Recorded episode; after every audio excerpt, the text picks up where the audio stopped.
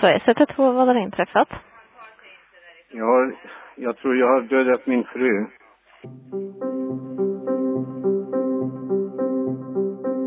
Det är vi som räknar dödade kvinnor.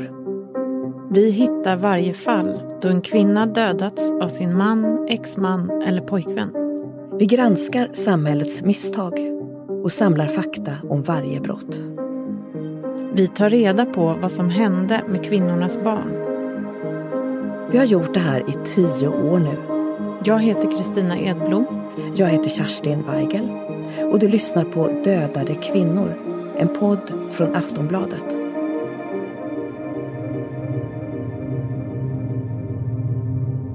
Hon, hon, är, hon, är- hon är livlös. Vad är det som har hänt för någonting? Det, det var bråk och hon tänkte ringa polisen. Jag tappade behärskningen och gjorde en kniv och jag skadat henne. Mannen vi hör har just dödat sin hustru. Han ringer 112 och anmäler sig själv. Han berättar sin adress och portkoden. Mm. Andas hon? Jag vet inte hur... Kan du titta Nej, om jag hon andas? inte. Jag går inte in där. Skicka polisen och ambulansen fort. Den dödade kvinnan hade levt på skyddat boende men blivit hittad två gånger.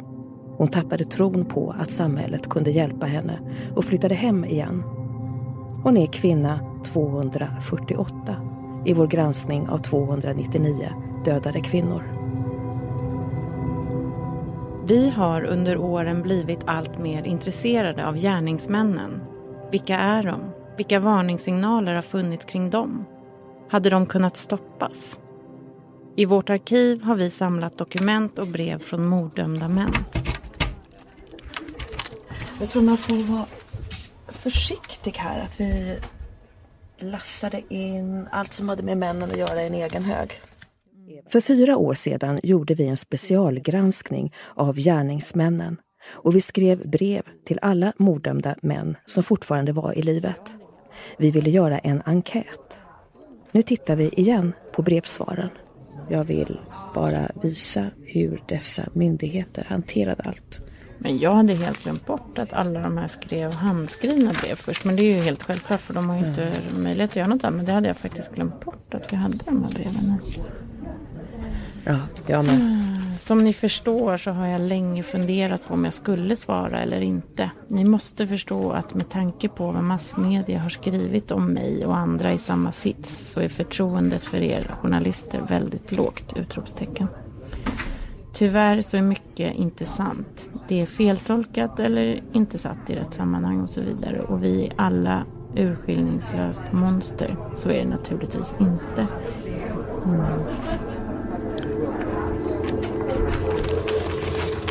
Här är ju själva enkäten. Den vintern, 2015, hade vi kontakt med 18 morddömda män och träffade två. Nu vill vi göra en ny intervju och söker flera av männen i vår granskning. Flera tackar nej. En ställer orimliga krav. En annan är beredd att träffa oss på anstalten men avbokar dagarna före. Han mår för dåligt, låter han meddela. Men vi ska träffa en person som i sitt arbete möter män som dödat sin fru, flickvän eller exfru.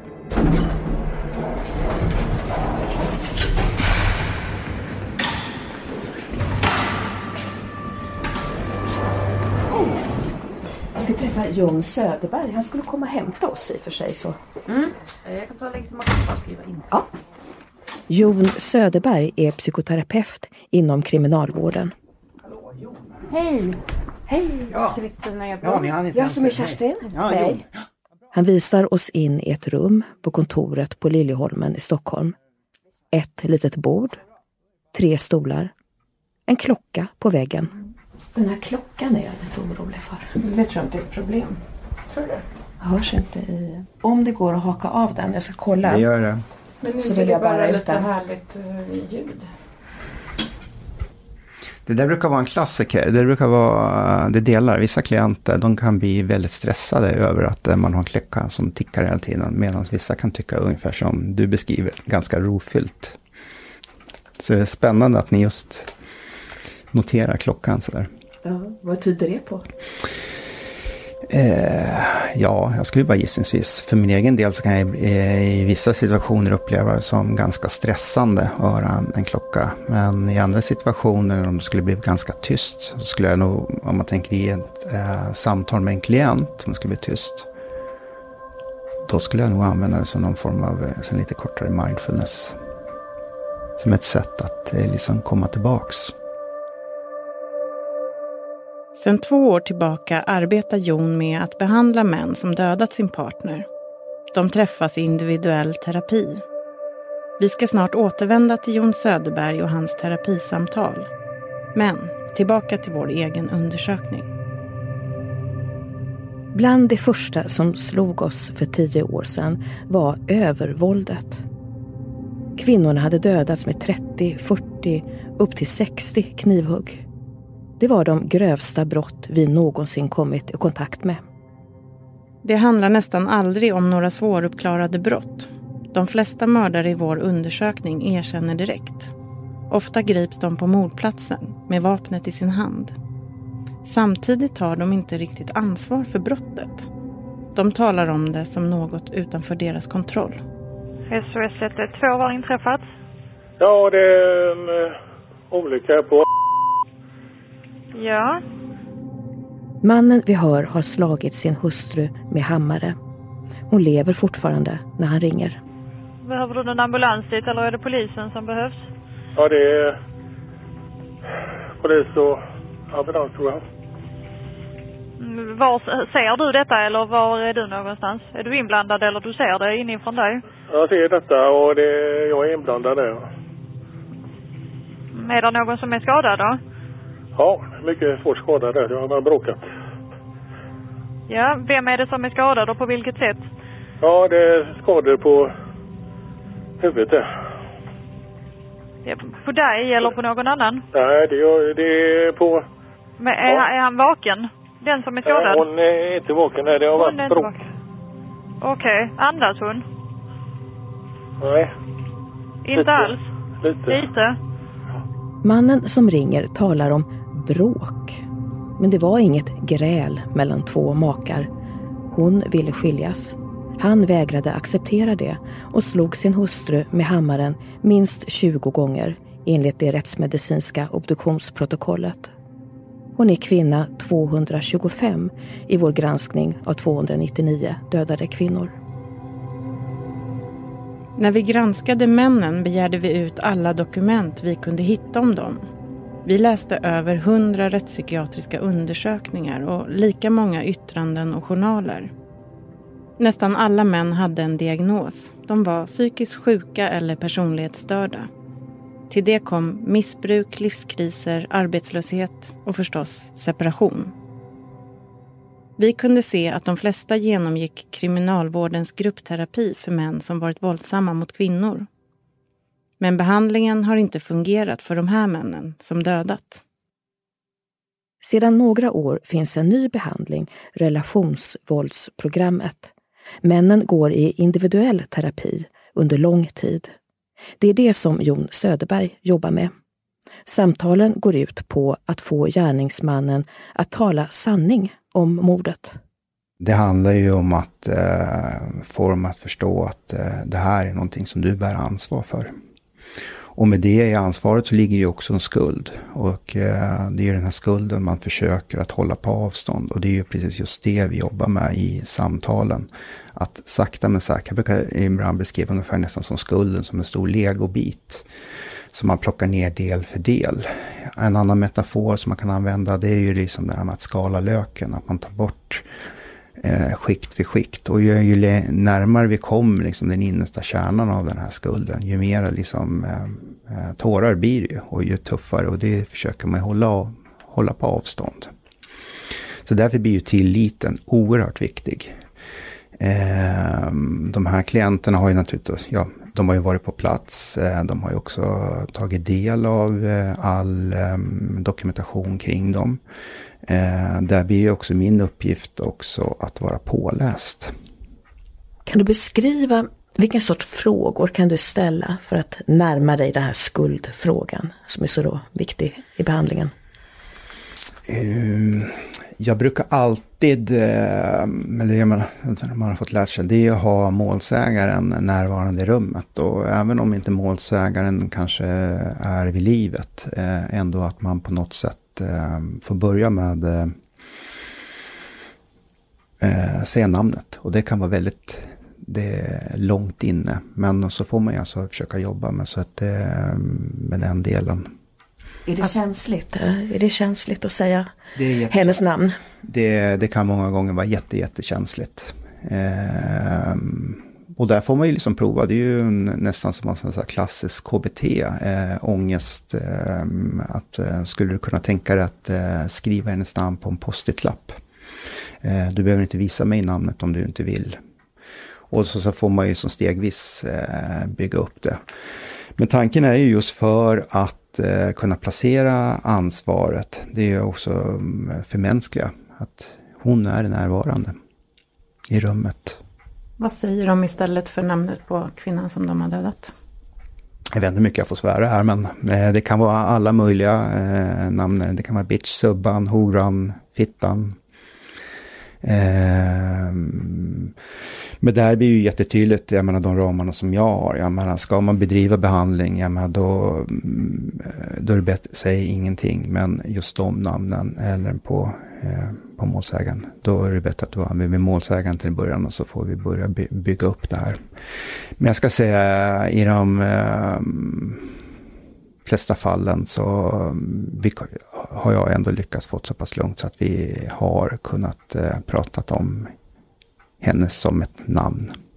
Jag måste säga att jag blir ändå förvånad för jag har aldrig hört de orden i en rättegång eller ett polisförhör. Är de mer öppna då med hur de verkligen känner när de möter dig eller vad tror du? Jag tror att det är nog lite grann som du, eh, precis, jag menar, det är ilska, det är ju också någonstans ändå, här, ehm, om man nu ska svara lite grann, här sitter man i en stol, lite träng, man förväntas vara, och då slår man ifrån sig. Men det handlar ju om att bygga upp det här klimatet. Eh, eh, du behöver inte ha den här liksom, attityden här i rummet. För sen ska man ju också veta att de går ut sen i en miljö där det är, det är en, i mångt och mycket ibland, det är en taskig attityd. Eh, I vardagsmiljön. Och för att liksom eh, vara en del av kollektivet så ska man inta en viss typ av attityd. Så att det där är ju också lite grann att få dem att landa i rummet. Eh, och det tar ju några gånger. När vi liksom stänger dörren och drar för gardinerna. Då, mm, ja, jag ska vilja ändå vilja säga generellt så är de mera mänskliga då. Eh, man kan se att de sjunker ihop i stolen på ett lite annorlunda sätt. Man får liksom helt enkelt ta av sig lite grann av den här masken som man har ute på, kanske på paviljong eller våningsplan eller vad man kallar det. Och är det här män som har erkänt mordet då eller? Eh, ja, de som jag har jobbat med har alla eh, erkänt. Som sagt för de har ju varit överbevisade. Med Okej, okay, men när du då har kommit dit att det finns en Kerstin, Kristina, Lena, Birgitta ja. eller vem det nu är i rummet. Hur går du vidare då? Mm. Jag ska säga, även om utgången i, äh, i fallet är ju ja, rent ut sagt tragiskt, förfärligt. Äh, så plocka upp en av de här guldklimparna. Det har ju ändå funnits stunder säkert i deras relation som har var, varit bra. Att kunna lyfta fram de delarna. Jag menar, mm, ja, vad, så här, vad var Kerstin duktig på? Eh, vilka egenskaper uppskattar hos henne? Och eh, sådana delar. Det kan vara ett sätt. Så man kan eh, bygga upp det. Eh, och får man beskriva de bra stunderna som har varit. Och det blir ju någonstans, ibland så har de byggt upp kanske en, eh, ja, ja, eh, en idyll. Sådana grejer. Och eh, då får man ju kanske ta också ta det, men liksom var någonstans gick det snett? Det här sitter du och beskriver någonstans att ni har haft en jättestark kärlek, ni har gjort jättemycket saker. Men vad, vad var det någonstans det började liksom? Och eh, det brukar oftast vara en en väg in i relationen. Mannen vi hörde tidigare i larmsamtalet, han som beskrev mordet som ett bråk, var deprimerad och kunde inte sova. Han hade sökt vård hos fem läkare under fem månader. Samma dag som han dödade sin fru hade polisen kört honom till en läkare för bedömning. Vår granskning av gärningsmännen visar att var fjärde man hade en aktuell vårdkontakt vid tiden för mordet. Minst elva män hade sökt vård samma dag de dödade. Var fjärde hade någon gång varit i kontakt med psykiatrin. Ännu ett exempel på en gärningsman med omfattande vårdkontakter är Martin Jonsson som mördade Lotta Rudholm för tre år sedan. Jag var väldigt misstänksam. Jag var även våldsam ju. Mm. Vi hör Martin Jonsson under ett förhör i Solna tingsrätt. Jag, jag, vet att jag gett mig på henne men jag vet inte situationen eller när det var. Och jag vet att jag tagit henne i båda armarna och kastat runt henne. Därför sa jag att jag visste att det troligen var då. Mm. Vad är det du minns från det tillfället? Jag vet att jag tog tag i henne en gång. Och tog båda armarna och slängde henne fram och tillbaka från soffan till sängen. Det här greppet runt halsen, hur hårt är det? Det är ganska hårt. Mm. Uh, jag lyfter nästan henne i halsen. Mm. Så pass hårt är det. Och jag var väldigt stor och stark och... Mm. Jag påstår att det här har orsakat smärta. Vad, vad tror du om det? Det har nog absolut gjort. Och rädsla. Som vi hör har han inga problem med att svara på frågor om hur han brukade misshandla Lotta. Men när åklagaren vill få honom att berätta om mordet minns han plötsligt ingenting. Hon släpper väl in mig. Mm. Jag minns inte men minns inte. jag har ju ingen nyckel dit eller någonting och det är inga bryt. Alltså hon... Mm. Troligtvis har hon släppt in mig. Mm. Det är ingenting du minns idag i alla fall? Nej, jag minns inte då heller. Nej. Vad händer efter att du kommer in i lägenheten? Jag tar av mig min tröja eller någonting. Alltså, men det är inget jag minns. Jag minns ingenting som jag sa. Du fortsätter ställa frågor. Mm, jag måste ställa... Jag minns inte. Ja, men jag minns ju inte. Nej, men jag måste ställa frågorna ändå. Det är bara att säga att du inte minns. Ja, jag minns inte. Mm. Eh, blir du arg på Lotta i lägenheten? Någonting går ju fel. Mm. Men jag minns inte. Eh, använder du våld i lägenheten? Det är en dum fråga. Ja, men jag minns inte hur mycket eller... Minns du något våld, du, alltså något konkret våld du faktiskt använder? Nej, jag, jag vet att jag har slagit henne en massa gånger. Mm. Och hur vet du det? Återberättat. För att du fått det återberättat? Jag har sett bilder och allting. Mm. Martin Jonsson dödade Lotta Rudholm i juni 2016. Han slog och sparkade henne till döds. Hon är den 259 kvinnan i vår undersökning. Martin Jonsson, som varit aggressiv och kriminell sedan ungdomen, är inte den mest typiska av gärningsmännen i vår granskning. Överlag är män som dödar sin fru eller flickvän inte lika socialt belastade som andra dömda mördare. De har oftare jobb, utbildning och varannan är tidigare ostraffad. De varningssignaler och gemensamma drag vi hittat i vår undersökning behöver inte handla om våld. Det vi ofta ser är en självupptagen, självömkande och manipulerande man. Han är deprimerad och hotar med självmord om han blir lämnad.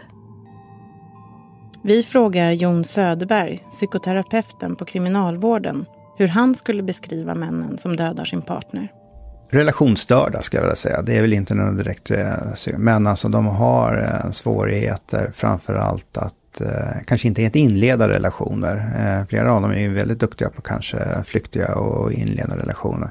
Men framförallt ska jag vilja säga att de är dåliga på att bevara relationer. Att också mm, ägandebehovet, precis som vi pratar om här, man äger ingen person. Att släppa eh, respektfullt eh, förhållande. Det ska jag vilja säga, det är nog mer än... Och framförallt när partnern går, att man helt enkelt inte står ut med det. det. Då är det på liv och död för vissa. Och kan inte jag få henne, då ska ingen annan heller få henne. Är det samma mekanismer oavsett om det är den här du sa, vissa är depressiva, alltså har depression, andra har de här emotionella störningarna och sen finns det de som är mer psykopatiska, narcissistiska mm. drag. Mm. Att de inte fixar relationer, det ska jag säga, det är nog genomgående. Sen hur det har tagit sig uttryck, antingen hur man har påverkats själv rent psykiskt eller hur omgivningen har påverkats. Um, också ett gemensamt drag, det är ju, man nästan kan sätta upp ett tidsfönster innan själva gärningen. Backar man tillbaks 12 månader så har det varit ganska turbulent. Någonting har hänt oftast, inte bara en händelse utan flera sammanvägda händelser. Och eh, återkommande har säkert varit antingen om det har varit separation eller hot om separation. Den finns ju säkert med tio gånger av tio. Så det är återkommande. Sen kan det ju en jättevariation av händelser. Allt från eh, ja, sjukdomar, dödsfall i familjen, eh, om prioriteringen på arbetsplatsen, eh, att man eh, känt sig kränkt. Eh, ja, det kan vara allt. Eh, överkonsumtion av alkohol som är någon form av medicinering. Eh, det kan vara jättebrett. Men eh, när jag jobbar så brukar jag oftast eh, ta ner den sista 12 månadersperioden. Den är jag jätteintresserad av att veta. Och vi har ju hört ibland att det liksom händer någonting nästan med blicken hos de här gärningsmännen när de tappar det eller de... Mm. Det, det, finns många olika beskrivningar ja. men eh, kan, kan den sidan komma fram också i de här mötena som du har? Ja, ja det kan det väl göra. Eh, och eh, framförallt så är det ju någonting som man alltid får ha på bordet. Man får göra de här näsdukarna. Det kommer ju tårar. Eh, eh, ibland kanske inte alltid man under ett samtal eh, möter blicken. Man kanske alltså sitter och tittar ner i golvet. Eh, men då kanske liksom fokus får någonstans ändå vara att eh, kan du försöka möta mig med blicken.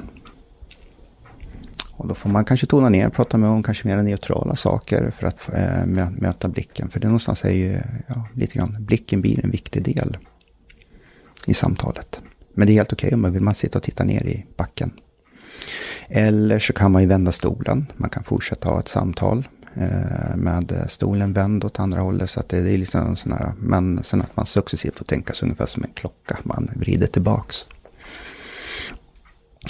Men det här att de blir riktigt svarta i ögonen, eh, det har jag nog, det kan jag inte minnas något tillfälle. Lite grann som jag sa inledningsvis, jag kommer ju dit eh, men ganska tacksam roll. Eh, att mitt mål är att lyssna på dem. Eh, sen om man har byggt upp det här, men också att utmana dem lite grann, skaka om lite grann. Eh, få dem att eh, bryta de här invanda tankemönstren. Vilka, vågar du på uppskatta det, vilka som har bäst chans att lyckas eller få ut någonting ur de här, av de här påverkansprogrammen? Ja, eh, det är jättesvårt att svara på. Eh, Ska man i det korta perspektivet eh, så ser man ju vad vi liksom, liksom alltså när vården börjar bita. Eh, dels att eh, man har bara sådana konkreta, man börjar komma regelbundet till samtalen. Eh, man gör sina hemuppgifter eh, som man får tilldelat sig. Eh, vissa klienter kan ju också kanske bli betydligt eh, noggrannare med, vad ska jag säga, med, ja, sin liksom så allmänna yttre. Jag vet för några år sedan jag jobbade med en, eh, en man, eh, han hade anlagt skägg eh, och ganska trashig vad man skulle säga och sådär. Men sen när vi hade jobbat igenom den här liksom ansvars och skulddelen, för det är liksom motsatsen, det är ju något när man lanserar in det här med eh, skam och skuld, så finns det också någonting som heter stolthet. Eh, någonting som, så att eh, en dag så kommer jag tänka, det är samma klient som jag träffar, för då hade han liksom eh, rakat av sig skägget, det hade liksom, som jag tolkar lite grann som hans lite grann eh, maskskydd. Och eh, jag vet inte, jag tyckte samtalen blev mycket bättre. Eh, han har ju naturligtvis en bättre prognos än en person som eh, där man antingen gått för fort fram eh, eller att helt enkelt inte tillgodogöra sig behandlingen. Men det vet man ju via forskning också att avbrott från program ökar ju risken för eh, återfall.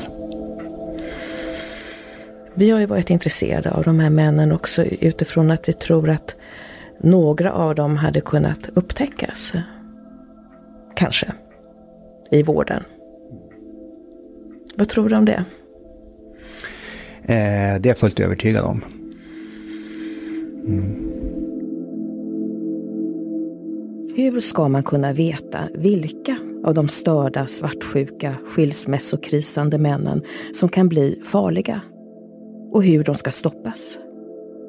Det är inga enkla frågor. Men under de här tio åren som vi granskat morden och dråpen på kvinnor har vi sällan hört någon ens diskutera vad som måste göras åt gärningsmännen. Ändå är det kanske just det vi borde. För att det inte ska behöva fortsätta som nu, att minst en kvinna dödas varje månad. Men känner du något stöd då? Eller tycker inte de flesta i din omgivning att eh, de här männen har gjort det mest fruktansvärda man kan göra? Kanske dödat sina barns mamma. Ska han då få terapi och hålla på och bli gullad med? Möter du den inställningen? Eh, jag ska säga så här, med åren så har jag nog blivit ganska sparsam eh, att eh, prata om vad jag jobbar med eh, när jag kommer. Sen eh, mina närmaste vet ju vad jag jobbar med, men eh, det är ju också ett sätt när jag stänger grinden, då eh, lämnar jag jobb, jobbet bakom mig. Eh, men svar på den frågan, ja men eh, de kommer ju ut. Eh, och Sen kan man ju kanske tycka så här, ska vi lägga resurserna på de här? Ja, det tycker jag. Det ska vi göra. Oavsett om det eh, har, eh, vi har ju ett uppdrag. Det är ju faktiskt att de ska komma bättre ut. Det ska inte ske igen.